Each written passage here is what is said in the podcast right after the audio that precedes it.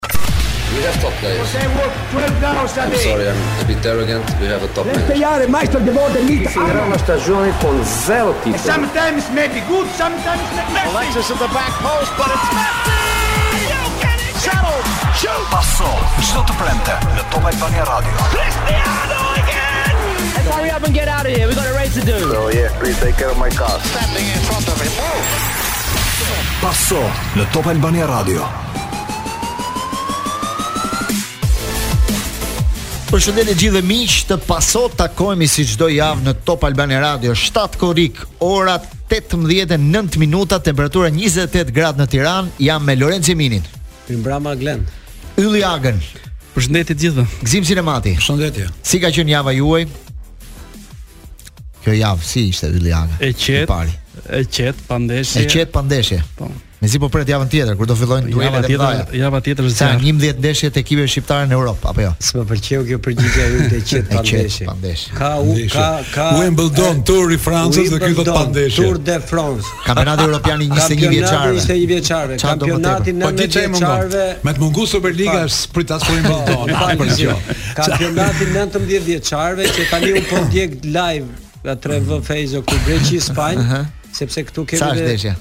Zero zero minuta e pesë sepse këtu kemi edhe dy Kampionati Europian i U19 vjeçarit ku kemi edhe dy arbitra shqiptarë që është Xhaja dhe Myftari, një po. kryesor një anësor, është edhe një arbitër kosovar. Genc Nuza bashkë me Jasin, po. po janë janë ftuar dhe kjo është shumë e rëndësishme. Arbitër kryesor. Arbitër kryesor po. Super. Sot është në darkë. Sa ndeshje ka arbitruar deri tani apo tani ka filluar? Ka arbitruar ndeshjen e parë Poloni. Ëh. Uh -huh. O e harrova tani. S'ka rëndë, një ndeshje ka arbitruar. Ndeshje ka po. dhe sot në darkë që është po ndeshje Islandë Norvegji. Ëh. Uh -huh. Ndeshje kryesi kryesor flet. Pak a shumë sa pritet të arbitrojë apo në varësi të ndeshjeve e, që këto vajtja dihet, uh mhm. -huh. por kthimi asnjëherë nuk dihet po, sepse varet në varësi të performancës. Po. Nëse ai vazhdon mund të shkojë deri në finale. Sot do flasim për disa propozime që kanë ardhur për të ndryshuar skemën e kampionatit shqiptar. Ylli Aga do na tregojë cilat janë katër propozimet që ka sjellë UEFA për të ndryshuar skemën. Mbas sa vitesh Ylli mund të ndryshojë skema? Ëh, uh, sa vite bën me 10 ekipe? Është viti i 10 që uh -huh. kampionati luhet me 10 skuadra, 4 faza, 36 javë. Po. Kështu që është e sigurt që edhe në këtë edicion do të vijojë me 10 ekipe. Do na e thuash pas pak edhe skemën. Propozimet do të jenë për të ndryshuar mënyrën se si procedohet deri në fund. Pra nëse do të kemi katër faza të rregullta apo do të kemi play-offe të cilat uh, janë përdorur në disa kampionate. Po, do na thuash më më gjerësisht gjithë atë skemë. Kur i the që ça ndryshimesh ka sjell UEFA desh më pushoi zemra se thashë se do kanë bërë atë jo, jo. ndryshimin e madh që mos e dimë se kush do të fitojë. Jo, jo, jo, nuk ka lidhje me fituesin. Nuk ka lidhje me fituesin. Atë sjell UEFA. Ai nuk vjen ai. Që mos e dini kush do të fitojë, ai do të ishte ndryshim i madh. Ai nuk jo, vjen. Çështja është që ç'kuptim kanë këto të tjera. Çështja është që u bënë gjithë këto vite me këtë skemë, me katër faza me 10 ekipe. Gjatë 2014-15. Ë, ideja është që sot është bërë një takim me disa prej drejtuesve të klubeve. Nesër presidenti Duka takohet me presidentët e kampionatit shqiptar dhe pritet që shumë shpejt të vendoset ndoshta për një ndryshim. Derisa po bëhen takimet apo do të ndryshojë, apo jo. Propozimet u janë çuar po. klubeve më parë është marrë një opinion nga drejtorët sportivë sot. Vendimin kush e merr vendimin?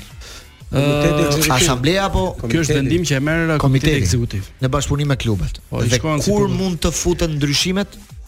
Ndryshimet për uh, vazhdimësinë e kampionatit mund të bëhen që në këtë edicion, për sa i takon. Që në këtë edicion. Pra, 10 skuadra qëndrojnë në garë, po. por po. Uh, propozimet janë që mund të ketë ndarje uh, A, në, në fazën finale. Që në këtë edicion, edicion mund të kemi ndryshime. Ndërkohë që në edicionin e ardhshëm Mund të ketë propozime për të shtuar skuadrat në kategorinë superiore. Edhe një pyetje, mund të ketë shtim të numrit ndeshjeve apo pakësim të numrit ndeshjeve sipas idesë tënde? Janë uh, disa propozime në në okay. në Navoni është e pra. Do na thuash po, pas pak po, këto propozimet më saktësisht. Do flasim sot për kam, për merkaton, pasi merkato ka bër çudira të mëdhaja në këtë në këto orët e fundit, për shembull Arda Guler, për cilin folëm pak pak uh, javën e kaluar, 18 vjeçari, i cili ishte shumë afër Barcelonës, firmosi me Realin e Madridit, një gjë ngjarje e jashtëzakonshme. Mbappe ka një telenovel Mbappe që vazhdon. Po se është futur Paris Saint-Germain i ka dhënë i ka dhënë kohë deri në 31 korrik për të vendosur Po çështja është, a vendos Parisi po është mar, apo vendos lojtari? Është marrë peng dhe Napoli po është, me Paris Saint-Germain. Situatë sepse shitja e Mbappes kushtëzon Osimhen. Se në qoftë shitet Mbappéja vjen Osimhen te Paris Saint-Germain. Fillon çlirohet pastaj dalin lek, lirohet vend, domethënë ka shumë lëvizje mbi çështjen e Mbappes. Arsenali po bën lëvizje të jashtëzakonshme në merkato, shitur Xhaka drejt Bayer Leverkusenit. Në Shqipëri jemi afër ndeshjeve të para eliminatore të Kupave të Evropës. Tirana, Partizani, Egnatia, Vllaznia do zbresin në fushë javën tjetër. Ylli Aga do na thotë pak si mund të jetë formacioni i mundshëm i Tiranës, Partizanit, Vllaznisë, ndoshta Egnatias në në këto duele. Digitalbi ka një projekt uh, jashtëzakonshëm gjatë uh, javës së ardhshme me ndeshjet e me ndeshjet eliminatore të këtyre kompeticioneve, kështu që kemi shumë ngjarje sot për të diskutuar. Nuk e di Ylli nëse harrova diçka apo jo. Jo, jo kujtova se do harroj këtë projekt Digitalbi me përgjigje që e the. Jo, doja ta pyesja yllin ku do iki javën tjetër, në cilin sepse bëri Rama një tur dyditor në pesë vende të po, po, po, Ballkanit. Tani do fillojë Ylli Aga turin e vet në pesë vende të Ballkanit. Kishit ekipin kampion. Po do t'i kemi të gjitha, mos mos u shqetëso. Mos u shqetëso. E rëndësishme është turi ballkanik i Ylli Agës, ku do fillojë dhe ku do mbarojë. Inshallah ndeshje ku fillon. Çdo ndeshje është në Digitalb, po Glen. Ashtu. Dhe nëse nëse Ylli Aga del në tur dhe Albin Kurti e pret. Jemi rikthyer në Paso për gjithë ata që po udhëtojnë po drejt jugut në këto ditë të nxehta të korrikut. Edhe drejt veriut, edhe drejt veriut. Edhe drejt veriut, ka dhe drejt veriut. Po, po jugu sidomos... Ka gjithë ato vende.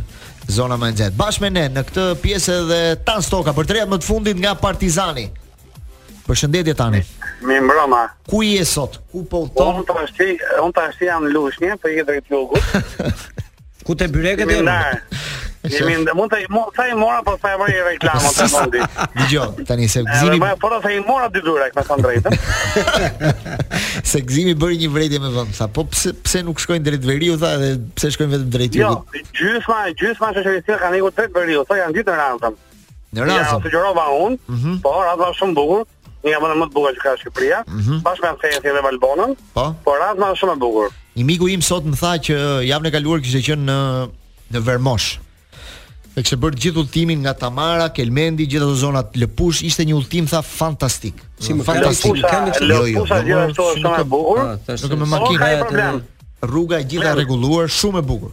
Domethënë një rrugë piktoreske.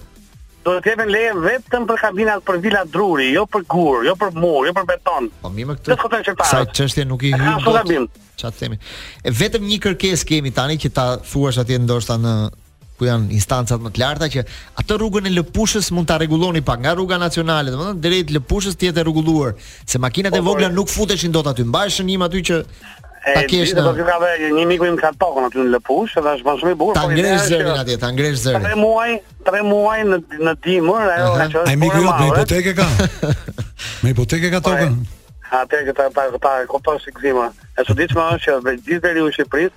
nuk ka probleme me tokat. Mhm. Mm po ta dini njëri tjetrin pra, gjen gjuhën. Po. Në të gjithë interesi është jugu, për ditë jugu. Unë që kur vjen veri në Tiranë, ka probleme. Po kur shkon Tirana në veri, ah. s'ka probleme. Ha. E kuptova. Dëgjo pra. Për ku je nisur sot një herë? Unë tash jam nisur për të takuar kolegun tuaj Manushin në jug të Shqipërisë. Po, po, po, po. Na ka lënë sot, s'është më nesër. Ka një festë shumë të rëndësishme në jug sot. Shizon Top e gjithë e pra, ka një festë, është një festë e Shizon Top, kështu që s'kemi Kur ne nuk e kemi këtë fat. Sot dhe nesër, dy ditë, se kështu zgjasin festa dy ditë. Edhe sa është me them pse sot mungoj, kupton? Tani të fokusohemi pak te Partizani. Ka bërë disa lëvizje shumë interesante në merkato në ditët e fundit. Të pëlqeu ardhja e Taipit.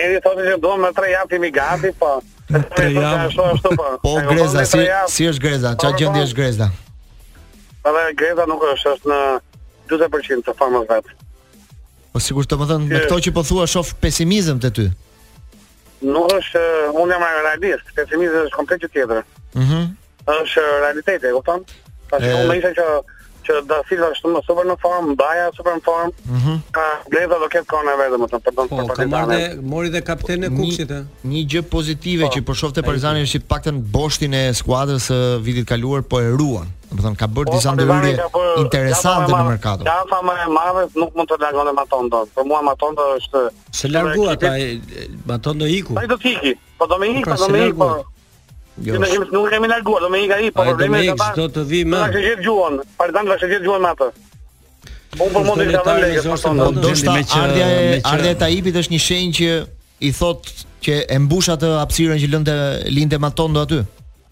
Po po, diferenca është që nëse Taipi është 1.50, Matondo ishte 1.30, e kupton?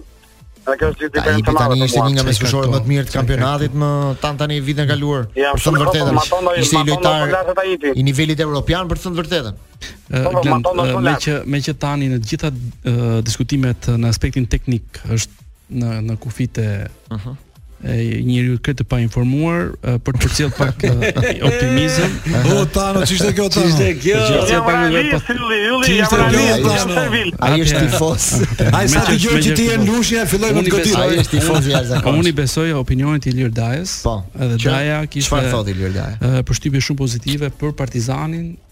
pas ndeshjes që luajti, Mhm. Po, ndonëse ndonëse trajn është politikan, e ka lënë është politikan, e kupton, nuk po politikan Ilir Daja mund të jetë në në kamera, në intervista, jo në biseda miqësore. Ëh. Mhm. Dhe pavarësisht se Partizani bëri dhe eksperimente atë ditë, pra i kishte pëlqyer i pëlqeu Partizani, një skuadër A thuaj pak formacionin, si mund të luaj Partizani ndeshjen e parë tani, me Bate, pak a shumë. Atë ditë atë ditë atë ditë trajneri bëri goxha eksperimente duke po. hedhur uh, duke i alternuar forcat në pasi fort, kush luan javën tjetër.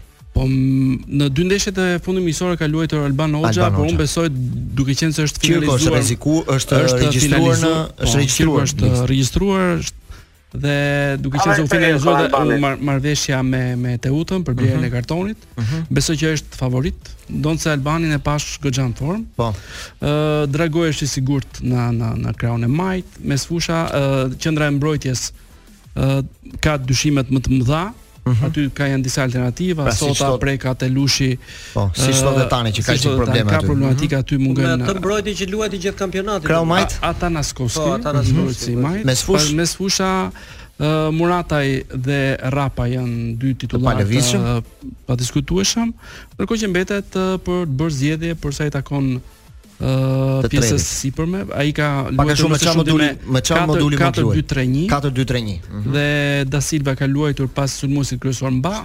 Mm -hmm. Grezda në krahun e majtë. Mm -hmm. uh, në disa ndeshje ka luajtur në minuta shumë ka marrë Keko mm -hmm. në në sulm në në krahun e djathtë. Por më shumë se sa skema, emrat uh, i besoj pjesës së punës bërë në aspektin fizik, skuadra më duk shumë e freskët fizikisht, goxha e bashkuar, e shkurtër në fushën e lojës. Ka grup se ne kemi pak nevojë për grup. Ka grup ekipi. Ishte goxha e, e bashkuar dhe kompakte në në në gjithë atë përballje që patën me Ballkanin, unë Ballkanin e konsideroj edhe një tjetër një skuadër super eksperte. Mhm. Nëse do kishim vazhdoj ta theksoj një kampionat mbarëshqiptar, pa diskutim do të ishte kampionia e Shqipërisë së Madhe. Kështu që Partizani në në këtë raport edhe për ndryshimet e ardhshme të trajnerit të Partizanit duhet të përfaqësohet denjësisht. Po, në fund të fundit do kualifikohet në qoftë se kundërshtari është më i mirë. Glend, Partizani do japë dorën faleminderit. Vazhdojmë rrugën. Partizani po, do të kualifikohet. Ai Partizani do të kualifikohet përballë Bate Borisov. Tani ti si mendon? Si e shikon? Ka grup, s'ka grup. Lorenz Gimi. Atëherë Partizani ka grup, ëh, mhm. një ish ish le të themi ish një, një pje, dikush ishte pjesë e Partizanit të djeshëm, të vjetshëm, mm -hmm. më thotë se trajneri i ri është po luan do luajë shumë në mbrojtje si vjet. Nuk do ta besoj këtë gjë. Për ndeshjet europiane thua? Jo, në përgjithësi domethënë, si trajner ky, si trajner, trajner dikush. Është trajner mbrojtës. Po, sa një mbrojtës. Ëhë. Do mbrojë titullin apo do mbrojë Partizanin? Ëhë. Tash nuk e di se unë do ta shoh në fund të lojës. Po tani mos mos përcjell, mos përcjellim parulla kështu. Ai ishte një trajner jo, jo, ekspert që interpretonte të dyja fazat e lojës, mjaft mirë edhe fazën mbrojtje. Po shkollishë, po trajneri që është aktualisht. Gjithë lojtarët ishin poshtë linjës së topit, ndërkohë që në fazën sulmuese skuadra kishte krijimtari, Dhe ishte e freskët fizikisht, ëh, në element. Do shohim, do shohim kushtet e tij dhe lehtë teoritë i dimë gjithë, ëh. Yll, ta soka nuk do që po Partizani të dështojë. Po nuk do që Partizani, është tifoz i Partizanit. Po ngre hipoteza kot. Po ka ka ato skepticizmin e vet që e rrethon. Po Ylli, unë doja atë Partizanin me fon smutë me Ylli Shehun me Agalliun përpara me Kaçaçin Ylla. Të lutem tul. Nuk do. Ti thua tani që ke gabim nuk e sheh. E ka informacionin jo, gabim apo? Shumë është e tepër, ai ka një opinion, ai ka opinion si tifoz. Po jo si. Ti ke si gazetar. Unë kam ah, ndryshe. Jo. Unë kam Ylli ka një gjë, që është tifoz me të gjithë skuadrat europiane. E po, të Shqipërisë që luajnë në Europë. Po pra, ai ka opinion dhe do që mundësisht të gjitha të kualifikohen. Ka një mm. optimizëm që e karakterizon në përgjithësi. Dakor, dakor. Tani tani është pak më i rezervuar sepse nuk do të ecim të fluturojmë, domethënë. O Glend. Po, Partizani po. Partizani është po, dëmtuar me mungesën e Matondos. Ëh. Mhm. Me po, pamundësinë për të marrë një qendërmbrojtës ekspert. Ëh. Mhm. Por unë besoj që puna që është bërë gjatë disa periudhave, ruajtja në një përqindje të madhe e grupit të lojtarëve me të cilët doli kampion, ë uh, mundësia që të shohim një Mba edhe më të fortë Da Silva, ëh, uh -huh. uh, të cilin e kam parë mjaft mirë në në në të dyja ndeshjet. Rrapa gjithashtu janë alternativa shumë të mira për për Partizanin. Pritet shumë nga Grezda, por është një lojtar me me cilësi ndeshja. që ai kontributin e tij do ta japë uh, në mënyrë të Ndeshja në Air Albania ditën e martë ora 20:45. 45. Sa bileta janë shitur deri tani? Në Sepse informacionin shoh që që kam Partizani ka bërë një është, PR shumë të fortë shumë të fortë, por uh, para pata një komunikim para mm -hmm. ishin afro 5000 5000 bileta. Ta sot ta bëj thirrjen e fundit për të ardhur tifozët në stadium të martën dhe po, bash ndajemi këtu. Unë do i bëj thirrje gjithë tifozëve të Partizanit të vinë me familjet në stadium, si për Partizanin që është të martën, edhe si për Tiranën që luan të enjten. Unë dua që gjithë ekipet shqiptare në Europë të ecin, si puna, si si sot ylli, si thua dhe ti,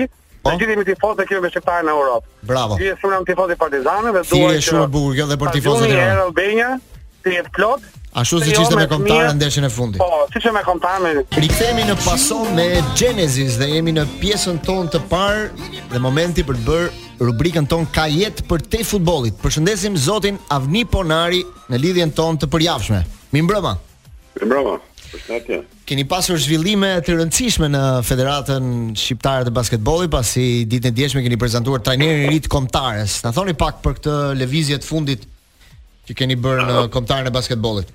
Po, jemi në fazën e eliminatoreve të kampionatit europian. Dhe natyrisht që lëvizjet janë të domosdoshme, janë të rëndësishme. Shumë lojtarë kanë ikë, shumë lojtarë kanë ardhë Ëh. Uh -huh.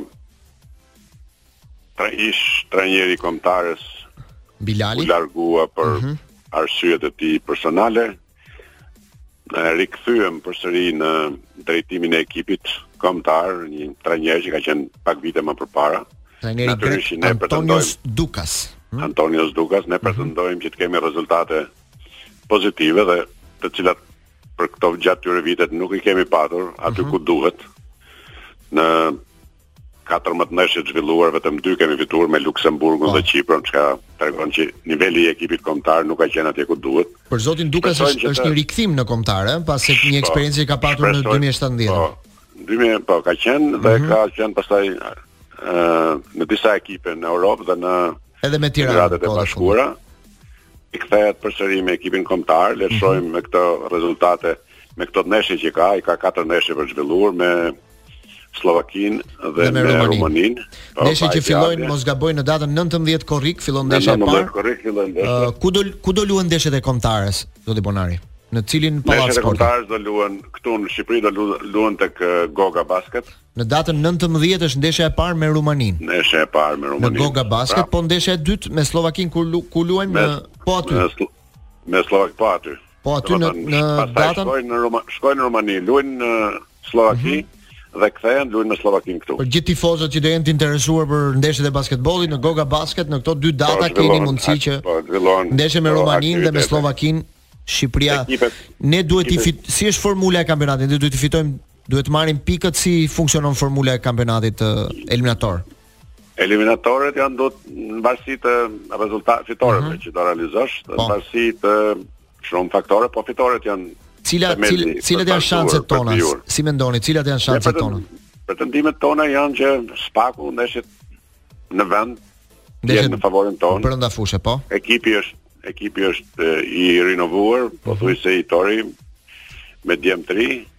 me lojtarë të vjetër dhe të ri të koordinuar dhe ajo që është për të për të theksuar është që uh, lojtarët e ri tashmë janë mjaft mirë, mjaft përgatitur, po edhe me me nivele të larta që luajnë në ekipe greke, italiane, ëh, uh mhm. -huh. uh, në Kosovë, po edhe nga Shqipëria, kështu që ekipi do të jetë mjaft solid. Shpresojmë që të kemi rezultat pozitiv dhe rezultat të mirë. Por le t'ia lëmë ndeshjes, natyrisht që edhe ekipet. Patjetër. Edhe Sllovakia dhe Rumania kanë ekipe të mira dhe rezultatet i kanë pas edhe ato pozitive gjatë gjithë këtyre viteve.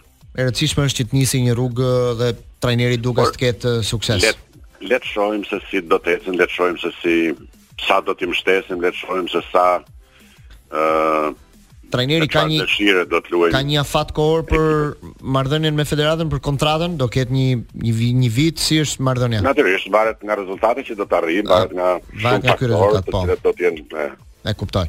Edhe këshilla juaj për Sigurimet, si gjithmonë, Sigali, ku do ndalemi sot?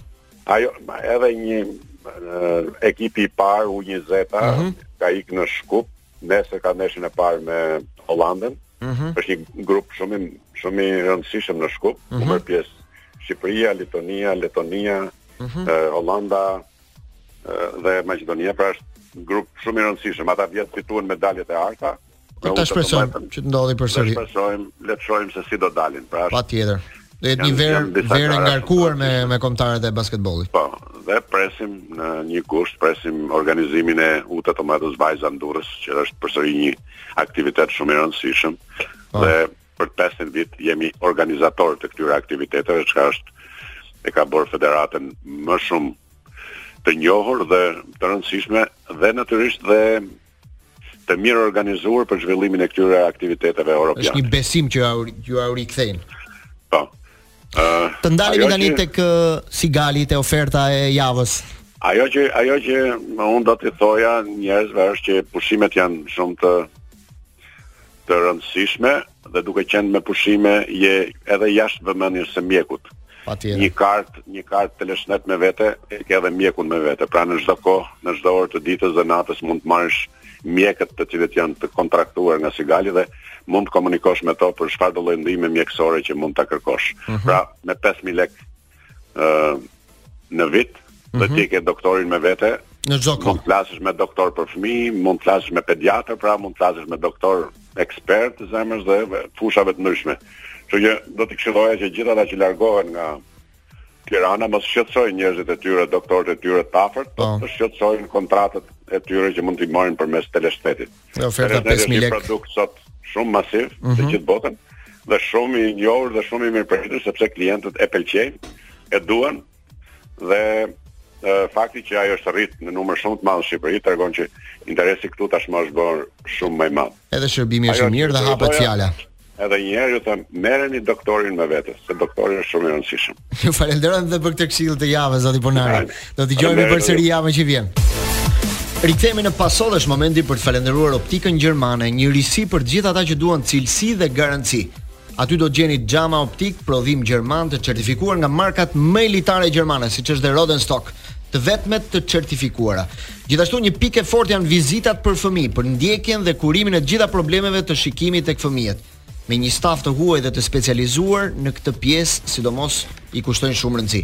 Ambliopia, shikimi i dobët, strabizmi, por dhe çdo shqetësim që vini re tek fëmijët tuaj do të gjeni një zgjidhje optimale tek Optika Gjermane. Optikën Gjermane mund ta gjeni tek Komuna e Parisit në Tiranë përballë Crystal Center, po ashtu dhe në Instagram në faqen German Optik. E falenderojmë Optikën Gjermane. Ndërkohë, Ylli kthehemi pak tek ndeshjet e kampionatit eliminatore pra të Euro të Kupave të Evropës dhe ndalemi pak tek Tirana. Do të ndaleshim pak pas Partizanit, ndalemi pak dhe tek Tirana. Si është situata? Cilat janë lajmet e fundit? Sa bileta janë shitur për ndeshjen e të enjtes? Uh, Tirana është skuadra që ka bërë më së shumti ndryshime gjatë kësaj periudhe uh mhm. -huh. me gjënë pozitive që ka afruar lojtarë ekspertë dhe sh shumë të njohur për klubin. Pra janë njohje të vjetra të klubit. A mund të, të quhet sot Tirana mbretëresha e e merkatos nëse mund të përdorim këtë emër. Po të të, të huazuar, siç po. edhe përdorin në vende të tjera, në mënyrë të padiskutueshme Tirana është skuadra dominuese e e tregut të transferimeve në këtë periudhë, uh mhm. -huh. duke afruar lojtarë të cilët e njohin klubin siç thamë, por kanë qenë edhe në xhirot e ekipeve kombëtare. Tani për tani 6 ka marrë 7. Tani për tani 6 lojtarë. Unë lojtarët që kanë ardhur janë lojtarë të cilët kanë bërë karrierën e tyre më së shumti tek eh, Tirana, kam parasysh Hoxhallarin, kam parasysh Dokën. Është Fjoart Jonuzi, Fjoart Jonuzi, Liridon Latifi, Portieri Selmani, Dedi Mici. Pothuajse pra, ka prekur çdo repart. Është përforcuar në ato pozicione të cilat ai ka patur një lloj problematike, është marrë një qendër sulmues si Kaina, që në një farë mënyrë do të favorizojë dhe lojën në krah të skuadrës së Tiranës. ka një lloj problematike se janë shumë prurje dhe në çdo rast krijon një lloj vështirësie për t'u harmonizuar. Mm -hmm. Me skuadrën që në dy ndeshjet miqësore nuk është se ka lënë shenjë shenja të mira në në ndeshjen me Ballkanin, në ndeshjen me me Dukagjinin. Ndërkohë që diçka më mirë në ndeshjen e fundit fituar me me Strugën. ashtu si edhe lehtësisht mund të kuptohet një skuadër që rritet ditë pas dite. Prandaj për gjithë tifozët, edhe Tirana do luajë në stadiumin Air Albania ditën e enjte, ora 20:00. 13 korrik, ora 20 20:00. 00 ora 8 orar familjar, shumë i mirë. Për ta ndjekur. Uh, pak a shumë sa bileta janë shitur tani? Jemi herët, ha? Jemi, Jemi herët me Tiranën që është 6 ditë përpara. Po. Edhe Tirana Të paktën deri ditën e djeshme ka qenë uh, diçka më shumë se 5000 bileta. Po përpiqet klubi të bëjnë pak uh, të bëjnë pak PR me po, me ndeshjet. Dhe besoj që do ta marrë uh, një, një përgjigje sepse edhe tifozët e Tiranës janë të interesuar për ta parë Tiranën. Mm -hmm luajnë në nivele të larta, të marrë rezultate pozitive. Nuk është akoma një ditë fundjave për shembull që ti mund të ikësh në plazh ose jo, kështu që është një ditë. Po ambienti këtu të, të favorizon për uh, plus edhe në Tiranë. Edhe në Tiranë, edhe Air Albania, zona këtu rreth. Pak a shumë sa bileta mund të jenë shitur deri tani? Ke një informacion? Uh, ditën e djeshme që patëm komunikim ishin më shumë se 5000 bileta. Po mirë. Por besoj që minimalisht do të jenë në 10000 tifozë. Mhm. Minimalisht. E, ajo që shikojmë te Tirana, Glenda është që ka marrë lojtarë edhe ekspertë, po edhe lojtarët pothuajse më të mirë të ekipeve kundërshtare. Ka marrë Jonuzin nga Vllaznia, një nga lojtarët më të mirë në mesfushë. Mhm. Uh -huh. Ka marrë eh, Albi Doka, ok, dihet se është. Ka marrë Liridon Latifin, po nga Vllaznia. Në, në një farë mënyre ka marrë portierin e Laçit, Selmanin. e Kainën, që ka qenë dhe ai sulmuesi i Vllaznisë. Në një farë mënyre është forcuar, por ka dobësuar edhe kundërshtarët. Se kjo më kujton Skënderbeun e viteve që i merrte gjithë lojtarët e ekipeve të mira, Ëh. Uh -huh. Forcohej vetë dobësonte ekipet kundërshtare. Një nga problematikat që Tirana pati në fund të sezonit të kaluar ishte që kishte një skuadër të shkurtër me pak alternativa me një kalendar të ngjeshur, të cilat edhe ndikuan në verdiktin final. Tani Tirana ka më shumë sigur alternativa. Presidenti Halili e ka e ka bërë punën e vet. Do të thonë i bleu. Po Tirana kur në fund kampionatit kur tha na vodhën, e kishte fjalën për lojtarët apo për kë kishte fjalën? Më shpjego çik. Tani Tirana kur ishte ekipi i shkurtër apo e shkurton dynja, e pran me gërshërë. Tani kalojmë ke kapitulli numër 2 i diskutimit. Ata tek Tirana e kanë arkivuar këtë pjesë, tani janë fokusuar tek e ardhmja. tek kupat e Europës, tek blerjet, të të ndërtojë një kubat e mirë. Ja, po nuk nuk është se kthen ndonjë gjë mbrapsht tani, edhe po të thosh një fjalë më shumë. Një pyetje ti, bëj një pyetje vetë. Ja të bëj unë një. Hasani do luajë në ndeshjet e Europës apo jo? Hasani është uh, titullari i padiskutueshëm. Pa i është as i dënuar. Po kush dënuar? Fajsheka, jo dënuar tre ndeshje dhe ku dënuar Hasani? Po, ku dënuar? Po a ishte në listën e po, dënimit. Po patjetër, jo. Po patjetër. Nuk ka qenë asaj. Disi. Jo, jo. A di si ndron lista dënimit? Ajo që ajo që bën përshtypje është që, domethënë, Ylli që është njohës kaq me detaje, thotë nuk e di ku çne. Kjo është. Që po e do dënimin sa është më?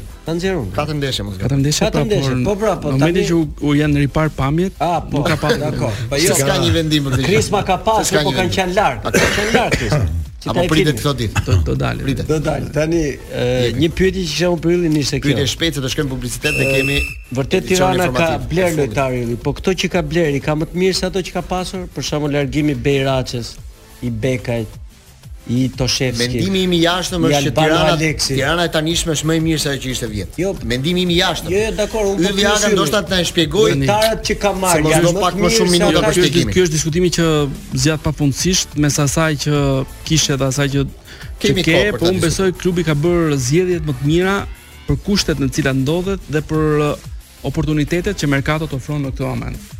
Ishte e pamundur për të mbajtur Bekajn që kishte një ofertë nga Turqia. Rikthehemi në këtë pjesë të dytë të Pasos dhe është momenti për të falënderuar Jute Credit. Imagjino një lojtar rezerv gjithmonë gati sa herë të jetë e nevojshme për ty. Tashmë nëse shkarkon aplikacionin My Jute mund të aplikosh falas për limitin e shpenzimit dhe ta përdorësh atë vetëm nëse të duhet për çdo gjë që të duhet. tamam si një lojtar rezerv gjithmonë në xhepin tënd. Falenderojmë Jute Credit dhe aplikacionin My Jute. Kthehemi te diskutimet tona. Ku e lam Lorenc Jemini kishte pyetje për Ylli Agën apo jo? Jo, e bëm pyetjen dhe Ylli i ra, i ra pak shkurt po. Nëse ka një përgjigje pak më të Sero edhe një për gjithë ata që bashkohen tani. Cila ishte pyetja?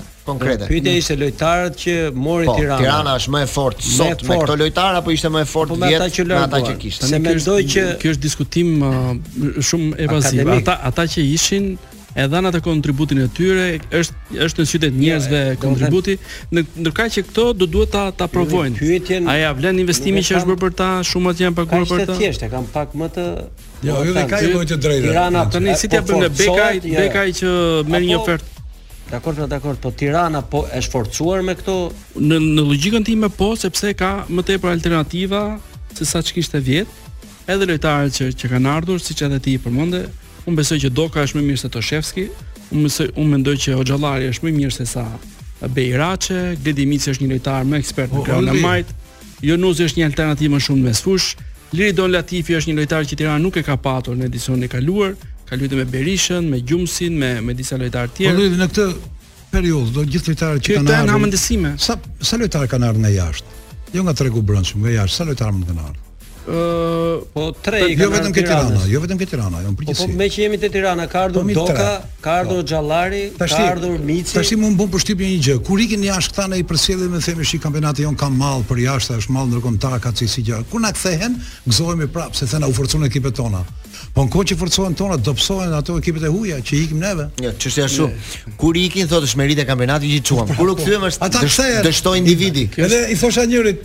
Se më thoshte një manaxher, e di si është puna tha, më mirë të ishte si rregulli i bukës. Pse, si është buka tha?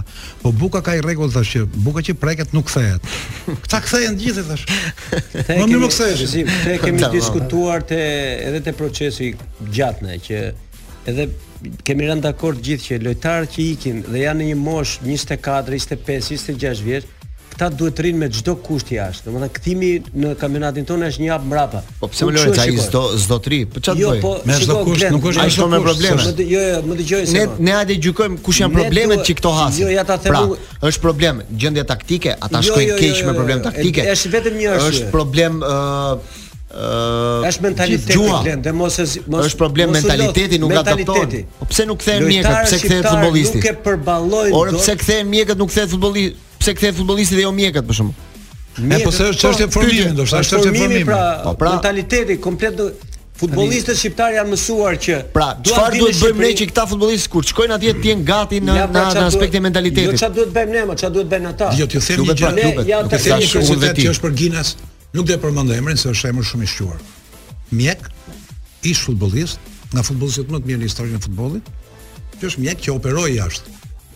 operoi në nivele të larta. Sot është i njohur aty ku është. Dhe kur po punonte një ditë me profesorin, profesori tha, "Këtu unë ndaloj tha dhe vazhdo ti." Dhe vazhdoi ky mjeku jonë, ish-sportisti. Vazhdoi, ai u mrekullu fare. Si ka mundësi tha të vazhdosh ti në këtë nivel këtë operacionin? I tha, o profesor tha si këto operacione e bënim kaq në ditë. Profesori i tha, "Do takohemi pas operacionit, do takohemi pas operacionit." I tha, Ajo që më tha, tha, më befasoi shumë, pse? Nuk mund të bësh kaq operacione në ditë, tha. Ti me vërtetë që ke mësuar, tha, por ke mësuar në kurriz të tjetrit. Neve këtu e kemi rregull që do bësh kaq operacione, kurse ju keni bërë kaq operacione. Si për thonë një ditë. Dhe kur thot ky, po, që mjekët tonë janë përgatit, janë përgatit, po mjerë, jo. ata që Mjerë ata që kanë qenë bankoprovë. Jo, jo, jo, mora mjekët tani po merre edhe një inxhinier. Jo, jo, nuk është nuk është i njëjti krahasim sepse kur flasim për mjek, për inxhinier ato janë gjëra me me me me, me disa standarde të cilat është e vështirë të preken. Ti mm. si si mjek e e e ke perfeksionuar ti zanatin tënd, nuk është se do për një ditë e harrove. Ndërkohë që lojtari është që lojtari të shkojë te Real Madrid. Sa po pra, i përshtatet është. Kjo na domethënë. Më ne kemi patur lojtarë të cilët janë ngjitur në shkallë, kanë janë ngjitur në klasa. Po shumë pak, shumë pak. Shiko, ne, Glen. Shiko, janë me gishtat e dorës ato që rrinë, po, dhe, pra, nuk kthehen. O Glen. Ato që kthehen janë me shumicë. Ja u kthy edhe ky i Vllaznisë tani me sushori. Krymi. Krymi. Krymi, po tani po, prapë ai përballet me një situatë që s'është në dorën e tij, një klub po, që është kampion dhe tani është në proces falimentimi. Çfarë do të bëjë? Është vetëm pra, një arsye. Po s'është faji jonë, është faji i atyre. Shiko. E kanë vëzhguar sportistët e kanë parë. Ylli, çfarë pret Krymi duke dalë jashtë territorit shqiptar, duke shkuar atje? futet në një treg në një dimension tjetër. Tani ky Krymi që shkon atje, nuk e gjen dot një skuadër tjetër për të vazhduar karrierën atje, po ose në një vend afër që është atje. Pse do të kthehet në Shqipëri? Kjo është çështje. Masolli Glendi, ata bëjnë një zanat, një profesion i cili është nga më të përhapurit në botë dhe konkurrenca është e jashtëzakonshme. Si Krymi, si Doka, si Hoxhallari, si Latifi mund të ketë lojtarë pafund, të cilët në atë konkurrencën e tyre nuk arrijnë të përshtaten dhe bëjnë hapa pas. Ne nuk po, kemi pra, një po, po, një si Uzuni që të bëjnë një analizë për karrierë. Pra, ore Ylli, disa të paktë janë këto, ja ti more Uzunin, po them edhe uh, Muçin, dy. Më thuaj ndonjë emër tjetër që më nuk vjen në moment tani. Çelaka, që ka është vitit Çelaka. Çelaka, po nuk e di apo luan. Nuk po ka bërë të njëjtin hap si Domethënë unë pres tani që të kthehet, që të mirë... kthehet edhe Skuka, do kthehet shumë shpejt se s'po luan fare. Jo, jo, jo Skuka shkoi në Sloveni po, po, po, te po, po, po, po bën një eksperiencë dy, po nuk po themi që po kthehet për një vit. Po kaq është afati, 2-3 vjet i ke këtu prapë. Kjo është njëra anë, po edhe një tjetër është që kampionati ynë është një treg që të ofron Pagesat përafërta me vendet ku ata kanë qenë. Nuk besoj që ata vijnë për çështje pagese. Jo, Ai jo, jo. me të njëjtën pagesë do rinte atje. Tani o Glen, shiko kur, kur ngel aty pastaj ka mund përgjigje. Kur thua këtë të pagesës, më duket sikur klubi jonë po rivalizon tani atë për jo, çështjen e pagës. Nuk duket, nuk e korrekt. Po themi lojtarin, lojtarin në vend të rrijë atje. Mirë thot jam në, në shtëpinë time, edhe kaq para po i marr. Nuk besoj që kthehet me këtë logjikë. O Glen, po, është shumë e thjeshtë. Nuk them që ai ngel në rrugë. Lojtarë shqiptar, lojtarë shqiptar nuk janë të fortë mentalisht që ti mund të rrish. Mos i përgjithëso tani. Jo, jo, janë, po ta them po po e përgjithësoj sepse shumë rasteve kështu është. Sepse na ndodh që në 90% rasteve kthehen. Tani ç'a ndodh? Lojtarë shqiptar duan këtu. Duan të jenë, kthehet Krymi shkon prapë te Vllaznia. Është 25 vjeç, Ai duhet me çdo kusht atje ku ishte të ngjiste një shkallë, të rrinte atje ku ishte, Masa, të rri. Më sa sa ligorc Vllaznia tani po nuk është një diferencë e madhe tani. Ore, pra po do pyes. Cilat janë shkaqet që bëjnë të kthehet? Ti po, thua mentaliteti, një, nuk jo, përshtatet. Në kokë. Nuk përshtatet si me stërvitjen, nuk përshtatet me gjendjen e jo, vendit jo, atje, nuk përshtatet me komunitetin, Për çfarë nuk përshtatet më? Ne duam të dimë, gjen, se mund të rreshtojmë 100 arsye. Po pra po, cilat janë arsyet që po kthehen shumë, nuk e kuptoj nga një nga një nivel, këto lojtarë nuk arritën të ngjiten një klasë më lart. Dhe në momentin po që Po s'kan durim janë, pra. Po mirë, pra se edhe klubet, edhe klubet ku janë atje, fillojnë mendojnë për alternativa të tjera. Më mirë thotë marr një lojtar të ri, të cilin ndoshta rritet më tepër sportivisht dhe mund të përfitoj sa një lojtar nga kjo klasë lojtarëve tanë, të cilët qëndrojnë në këto nivele dhe nuk do ta shes, nuk do të përfitoj asnjë gjë. Jemi në paso me Lorenzo Emini, Ylli Agën, Gëzim Sinematin duke diskutuar në lidhje me kthimet nga Europa të lojtarëve të kampionatit shqip, për kampionatin shqiptar, lojtarëve shqiptarë që kthehen dhe renditëm disa prej arsyeve pse kthehen. Ylli, do të shtosh diçka apo të kalojmë pak ke merkato europian? Jo, për mua klubet janë gjithmonë një derë hapur për të patur edhe të tilla afrime, të cilat krijohen si si okazione në çdo rast. Janë të mirëpritura, por për mua beteja e klubeve do duhet të jenë që të krijojnë një ambient sa më profesionist në futbollin tonë, më mirë një fushë stërvitje më shumë, më mirë një ambient. Po, më mirë të ishte me derë mbyllur, se me derë hapur. Me derë vetëm për të dalë. Ata që ti të dilnin edhe mos ishin me biletë kthimi. Jo, dhe unë jam me këtë po, Glen që nuk kishte derë hapur ç'është. Duhet të dalin, domethënë dhe sidomos moshat 20 deri 24 vjeç, duhet të qëndrojnë me thonj. E di kush është një problem ja, tjetër ja se po diskutonim edhe në publicitet me Yllin. Për shembull, siç ka je në shikoj se çfarë edhe ja, klubi ti, ti Lorenzo je një lojtar, po themi. Shkon jashtë, të është vënë rroga, po themi 10000 euro, po themi një shifër, po, se nuk e X lek. ë uh, në momentin që ti e shikon veten atje që nuk je në gjendje të mirë, nuk po luan formacion ndoshta kështu, shef një ofertë që vjen nga Shqipëria me 8000 euro, ti thua më mirë po vij. Të ta jap Me 2 lekë më pak po rri në Shqipëri. Që më problemin e kanë klubet tona, ka jo, jo drejt jo, Ylli. Jo, jo, jo. Se thot, pse duhet ti një lojtari që vjen nga jashtë t'i vësh të Atë pagesë kaq të madhe, lëri pagesat e vogla, që ai mos të joshet për kthimin, po të luftojë atje për qëndrimin. Do ta them këtë vështrim tim. Ndërkohë ti këto para mund t'i investosh në një fushë, në një hotel, në një ku do për ekip për tri, për tri. Atë gjendje janë pak të bashkë. Kush nga klubet tona, kush nga klubet tona këto 20 vjet e fundit, nuk them më shumë. Bëri këtë që po thu ti me Yllin. Atje edhe të bëjë klubin profesional. Skënderbeu e bëri. Përveç Skënderbeu ndoshta asnjëri. Trajtohen ata me me me me Partizani po e bëri. Me njerëz me nutricionist sportiv. Pse pse e kanalizon klub? O më fal, pse e kanalizon bisedën vetëm te lekët? Një lojtar 20 vjeçar kur del jashtë nuk duhet t'i shikojë fare lekët. Fare. Fare. Duhet të vështirë pak. Po më dëgjo një sekondë më. Po si u filloka karriera 20 vjeç dhe ti shikon lekët? Në javën e kaluar. Të lutem shumë. Në proces kishin po, po, menaxherin. Lëmë ta mbyll një sekondë. Tino të tha një histori me Kulibalin. A të tha? Po. Që i thanë po, menaxherët arabë. Po më bësh 31 jo, vjeç. Siç që është kulmi i formës. Është në kulmin e formës Lorenc. Luan me Chelsea, mund të luajë me çdo skuadër europiane. E mori menaxheri arab i tha Zotri tha, do vish në Arabi, jo tha s'vij. Paga jote vjetore është 30 milion po, euro. Tani pse? Ai tha, më fal tha, të pyes pak gruan. Po, dhe mbas 2 po, minutash tha, erdha. Nga... Firmosi. Ti e kalon nga 20 vjeçar te Kulibali. Unë po të them se si duhet të sillet. Po jo pra se the, the fjalën që Dakord pra, si duhet të sillet një lojtar. Po lekë diskutojmë sportiv tani po bëjmë kështu edukatë. Të gjithë, të gjithë njerëzit kur fillojnë një profesion, e fillojnë nuk e kanë mendjen fare te pagesa, po e kanë te karriera. Ai për katër pesë vjet investim jashtë, sepse nuk zhvillohesh dot në Shqipëri më, me këto kushte që kemi ne. Në qoftë se ti shkon në Kroaci, në Slloveni, që ke kushte shumë cilësore, ti ke mundësi, në qoftë se vlen dhe ke mend në kokë, në moshën 25 vjeç të kesh arritur të marrësh një milion euro në vit, jo të shikosh atë pesë mijë euroshin. Jo se ti rrite 5000 po, euro. Pra jemi ke atë luaj këtu pastaj. Kemi 5000 euro që ke Tirana, këtu jemi. Kam, kam një rezervë te diskutimi jot. Ti thua 20 vjeçari s'duhet të shofi lekët. Parimisht duhet të jetë kështu. Kjo ka kohë që ka vdekur. Sepse 20 vjeçari jonë rron në këtë vend. Pazaret kanë jo, filluar që. Jo, kur ikën jashtë Gëzim. Edhe kur edhe kur jo, ikën jashtë, edhe kur ikën jashtë, nuk e lë rehat familja, nuk e lë rehat menaxheri. Ky do lekë, nuk ky do lekë. Prandaj është çështje. 20 vjeçari që është bërë 20 vjeç, janë harxhu miliona. Dakord pra. Tani do flitet për lekë.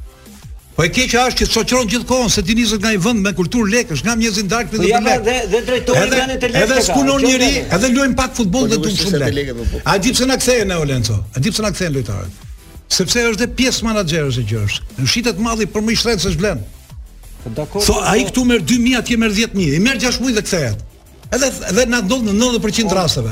Sa të mirë kemi shit në këto 10 vjet që na kanë ngelë andej lojtarët. Shif sa na kanë ardhur, sa kanë ngel. Edhe kjo të nxjerr që çfarë malli nxjerrim nga Superliga. Unë këtë kam nga eksperienca ime Meglen, sepse thashë kam bërë një sport për 20 vjet dhe 5 vitet e para unë unë s'e dija fare që merresh me një lek. Sepse kisha një gjë në kokë që të eci para. Qofse ti mendon që kur je 20 vjeç të marrësh lek, kot që je futur aty. Çfarë lekësh ke marrë ti? Jo, jo, rrogën që merr. Ah, e kisha rrogën 15000 lekë të vjetra. Dëgjo, meqë kemi Yllin këtu, që është ekspert merkato. Do i tregoj një histori, po pa emër presidentin. Para shumë vitesh vjen një djalë i ri, thoshin që ishte i talentuar dhe i tha presidenti ku luan ti, unë tha luaj mesfushor tha. Po si e njeh veten tha çfarë cilësish ke? Jam mesfushor me vizion tha, kam këtë tha, njoh linjë. Sulmi, njoh dhe këtë tha, po sa mendon ti se vlen, që mund të marrësh në muaj? I tha ky unë mendoj tha që në muaj tha mund të marr 8 deri në 10 milionë tha. Dollara. I tha po i do vetëm pesçe tha, po i do edhe 20. Po t'i vë robi vetes çmimin vetë, se ku ku jemi na. Po pikërisht pra, do kjo është biseda Glen, do thelbi i gjithë kësaj gjëje është që lojtarët shqiptarë dhe ne ndaj duhet të flasim të na dëgjojnë, ore, për të kthyer këtu, këtu e ke.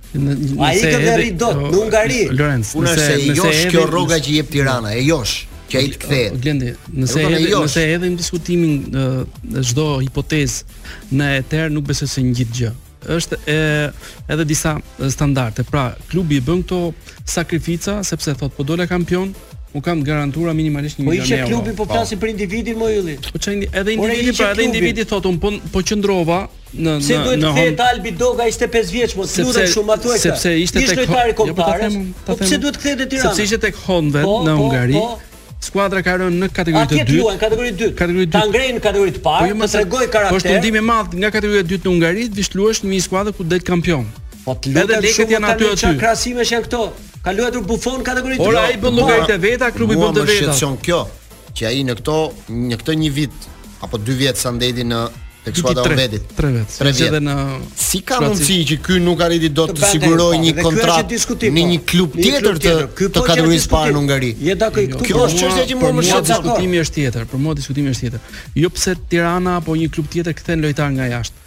Për mua pse nuk dalin del një Doka i ri, pse nuk del një Hoxhallari i ri, pse nuk del një Liridon Latifi i ri, pse nuk del një Erdi Krymi i ri. Tani kjo pjesë po përpiqen ça aq po pra ça të bëjnë më tepër. Të, të marrësh këta lojtarë të rinj, t'i promovosh, t'i shesësh, jo, të përfitosh nga kartonat e tyre. Dokën bravo tani vendi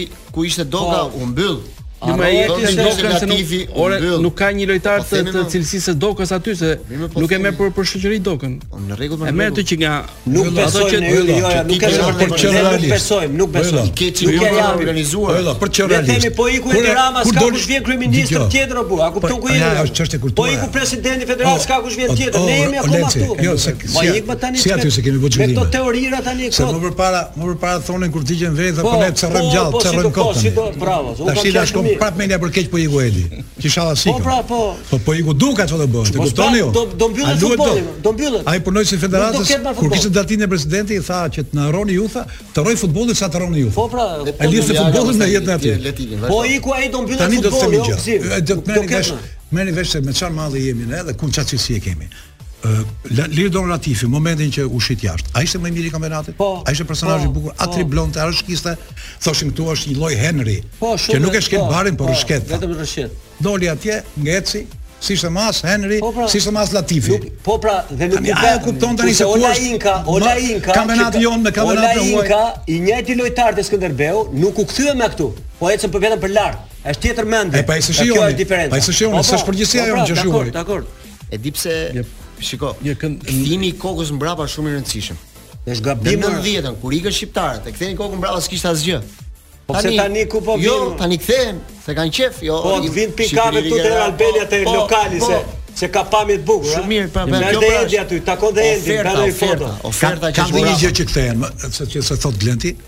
që është shumë kryesore, ata nuk janë mësuar jashtë ta marrin rrogën ditë në ditë. Do që t'i vonohet 4 muaj. Patjetër, aty e kanë sfidën me veten.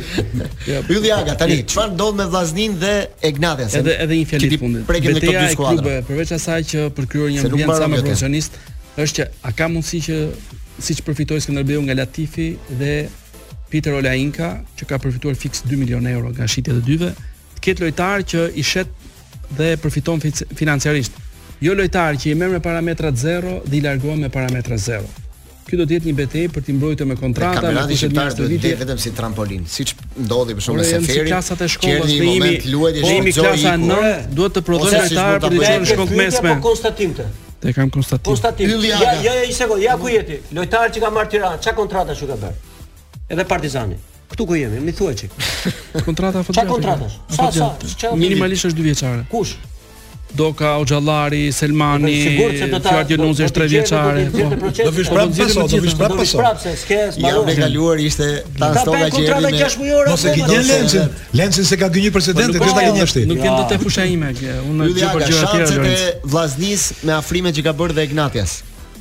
Lëvizja e fundit, çfarë kanë bërë dy ekipet? Uh, Glen, duke qenë se jemi radhazi në, në Pazo. Mm -hmm. Për mua Egnatia është skuadra me përqindjen më të lartë për t'u për t'u kualifikuar, po. Uh, skuadra që ka ruajtur boshtin e skuadrës së kaluar ka bërë disa blerje në zgjati kontratën dhe edhe me Duamenën. Duamenas që po. kishte oferta për Duamenën dhe nuk u pranuan. Mm -hmm. U u realizua një një shtyrje kontrate, besoj është një një rikonfirmim shumë i rëndësishëm i një lojtari që në 4-5 muaj mund të konsiderohet nga lojtarët më të mirë të, të kampionatit tonë. Ë uh, do të luajmë një kundërshtar në në informacionin që kam nuk është si si Egnatia, Egnatia ka të parën jashtë fushe ditën e enjte, ditën e enjte, nëse nuk gaboj është ora 19. Dhe besoj që Egnatia do mund ta kalojë me me me Serbian. Egnatia. Vllaznia është një ekip që s'ka bërë s'ka, s'ka dalje, vetëm një lojtar ka ikur, a? Domthon gjithë lojtarët që janë larguar janë larguar që si zgjedhje të të shkojnë publicitet. Ë Vllaznia ka patur një verë të vështirë, janë larguar lojtarët më të rëndësishëm të edicionit të kaluar, nuk është se shkëlqyen, as gjë nuk fituan diçka, por një skuadër që e detyron klubin të tentojë të ringrihet me elementet që bën atë. Ka më pak shanse nga të gjitha shqiptarët. Jo, për mua është apo ka shumë shanse. Jo, është ka ka shanse, ka përqindjen më të madhe për t'u kualifikuar në krahasim me me Linfield.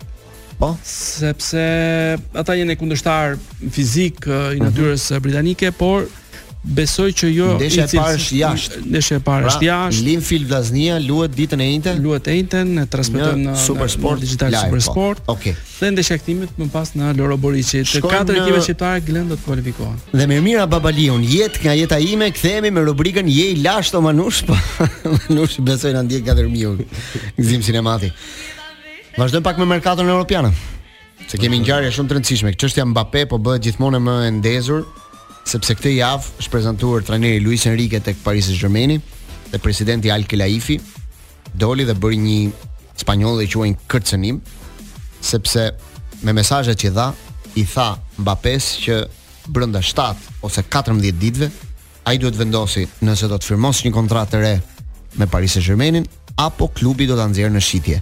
Sepse ai tha Al Khelaifi që lojtarët, lojtari më i mirë i botës nuk mund të largohet falas. Falas. Po dhe të drejtë ka.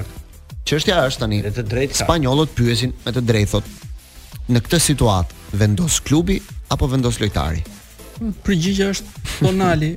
Kush vendos? Tonali. A është rasti Tonali? Kush vendosi? Shiko, në rastin Tonali vendosën dhe paratë. se nga 2 milion shkoi 8 milion rroga vjetore. 70 milion. Po. Ashtu, lojtari nuk mund të refuzojë në këtë histori. Po, po, do të thotë edhe klubi dhe lojtari, se erdhi një ofertë e jashtëzakonshme. Por të dy ai. Tani këtu s'po bie sa spanjollët thonë kështu. Tha ti ke të drejtë të negociosh vetëm për pagën tënde. Kurse për çmimin, po rregull për çmimin e negocion klubi po patjetër. Tani çështja është kështu. Mbappéja ka thënë do qëndroj edhe një vit te Parisi. Ka dalë nëna e tij tani. Po. Tani edhe s'ka as rinovim, s'ka as largim. Po. Në orë të fundit. S'ka as rinovim, s'ka as largim. As largim. Do të thotë ai do qëndroj dhe një vit te Parisi po, dhe vitin tjetër ikën pa para, falas dhe Reali po. Madrid e merr falas, siç po flitet. I bie pastaj që Parisi tani, ta ta ndëshkojë tani. Situata është ai thot, spanjollët thon, Mbappé duhet të dali dhe thot, do më lësh në klub, Po. Do më çosh te rinjtë? Po. Do më lësh në shtëpi? Te rinjtë. Apo do më lësh në tribun? Pra këto janë po, alternativat. Po, po, Parisi duhet të dali të thot. Domethënë sepse Mbappé nuk mund të shkojë dot në një klub nëse ai nuk do. Pra, thonë që ka një ofertë nga Liverpooli 200 milionë euro. nga Liverpooli, po, e dyta. Që është e dyta. Ekziston një ofertë. Tani po mos dojë Mbappé, shkon dot atje? Nuk shkon dot. Nuk bëhet me zor ajo punë. Nuk shkon. Pra Parisi këtu ka dalë jashtë loje.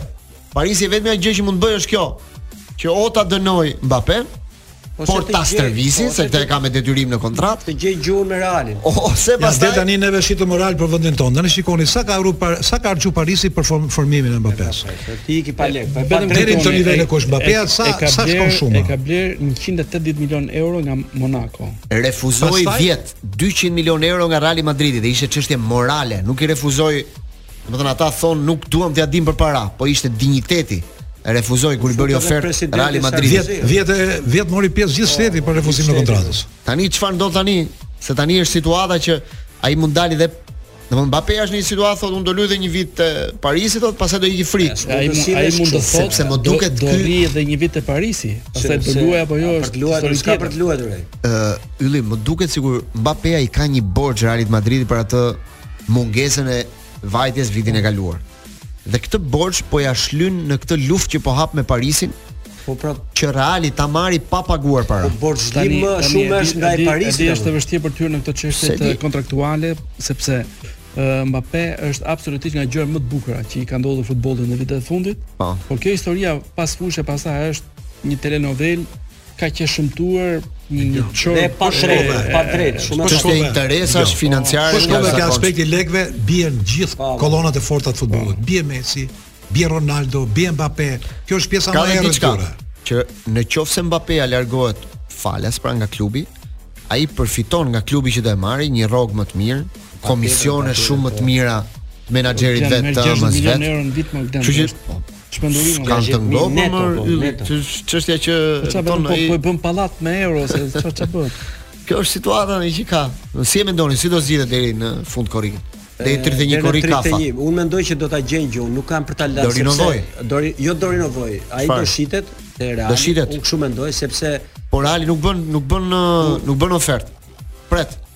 Po do pres pra, po dhe Parisi është i detyruar sepse në qoftë se gjëja shkon që ta mbajnë Mbappé-n me zor te Parisi, që ta lënë një vit shumë nëpër tribuna me të rinjtë, ajo do jetë pastaj skandaloze. Se një lojtar të rri një javë pa luajtur, një lojtar që pretendon të fitojë po, topin e artë, do jetë skandaloze. Ronaldo apo Messi. Nuk mendoj se do do ta çojnë deri në këtë pikë. Se nëse ka po, inat Messi, Al-Khelaifi ç'a ç'a do ketë pastaj? Dhe kur flitet për para pastaj Paguaj gjashtëdhjetë milionë euro në vit dhe ata arabët duken ashtu që kanë para po nuk të falin centin. Një çështje ishte kjo që doja të diskutoja me ju. E dyta, mbas Mbapes, që më bëri shumë përshtypje, është çështja e Ancelotti.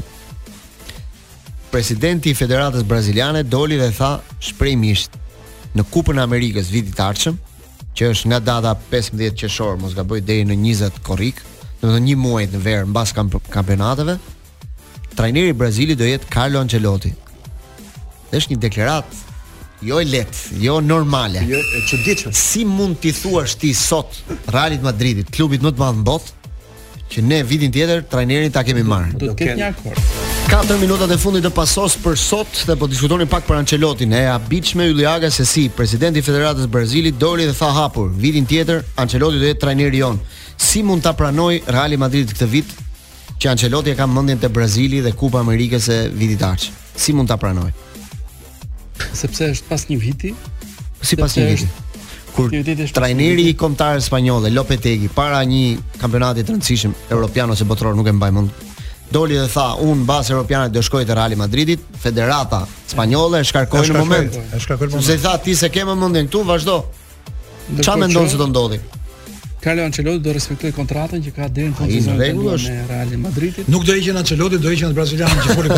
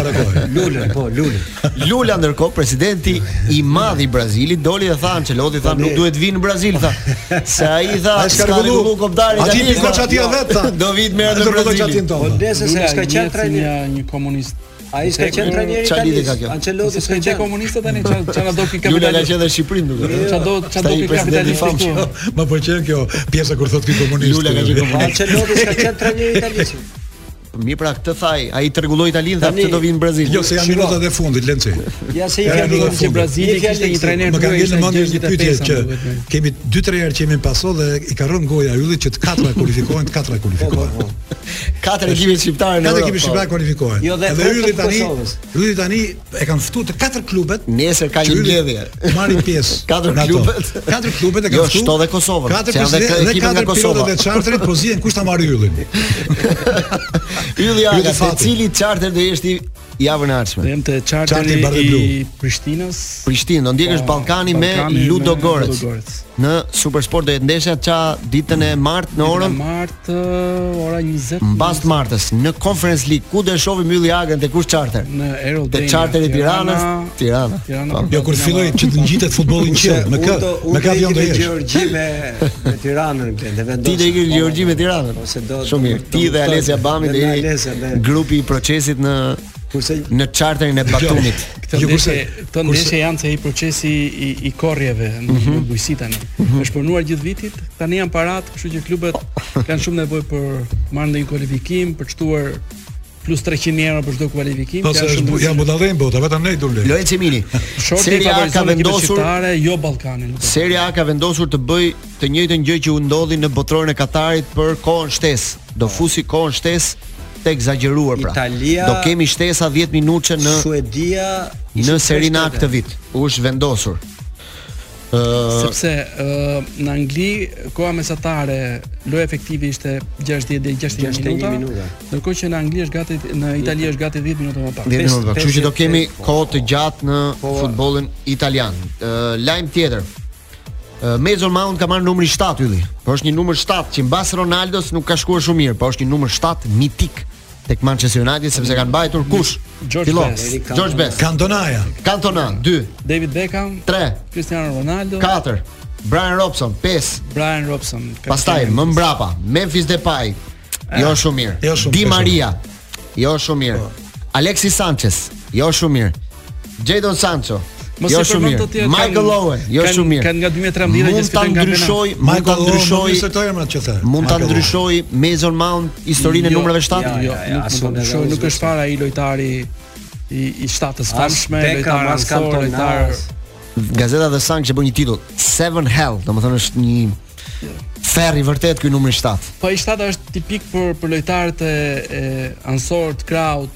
Po do të thotë me zë mund të shëtar. S'është vetëm çështje çështje. Pra, siç ju thashë, lajmi i fundit nga merkato ishte që Pulisic firmosi për për mua Milanin 20 milionë. Është lojtar i Milanit Pulisic që nga sot. Shtatë më shumë edhe portieri i Interit duket se ka mbaruar në Manchester United. Onana është shumë afër. Është shumë afër marrëveshja me Manchester United dhe Inter. Ofron Manchester 60 kërkon Inter, besoj do të gjendë një marrëveshje. Sot 60 milionë euro Paris Saint-Germain bleu nga Sportingu i Lisbonës Ugarten, një lojtar shumë i rëndësishëm për për Parisin. Gjithashtu ka konfirmuar Skriniar, ka konfirmuar dhe Asension nga Reali i Madridit, i blerë shumë i rëndësishëm. Hernandez nga Bayern. Edhe Hernandez po që ishte më përpara nga skuadra e Bayernit.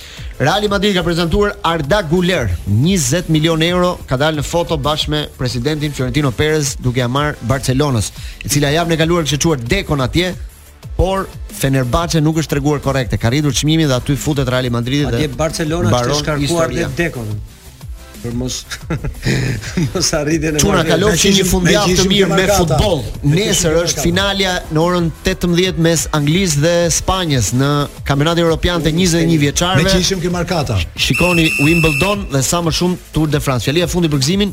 Manushi nuk po lahet në det aty ku është në jug, janë bisedime sepse një televizion kërkon Lenci Eminin, por nuk po bien dakord për çmimin. Fundjavë të këndshme, dakord u pafshim javën tjetër.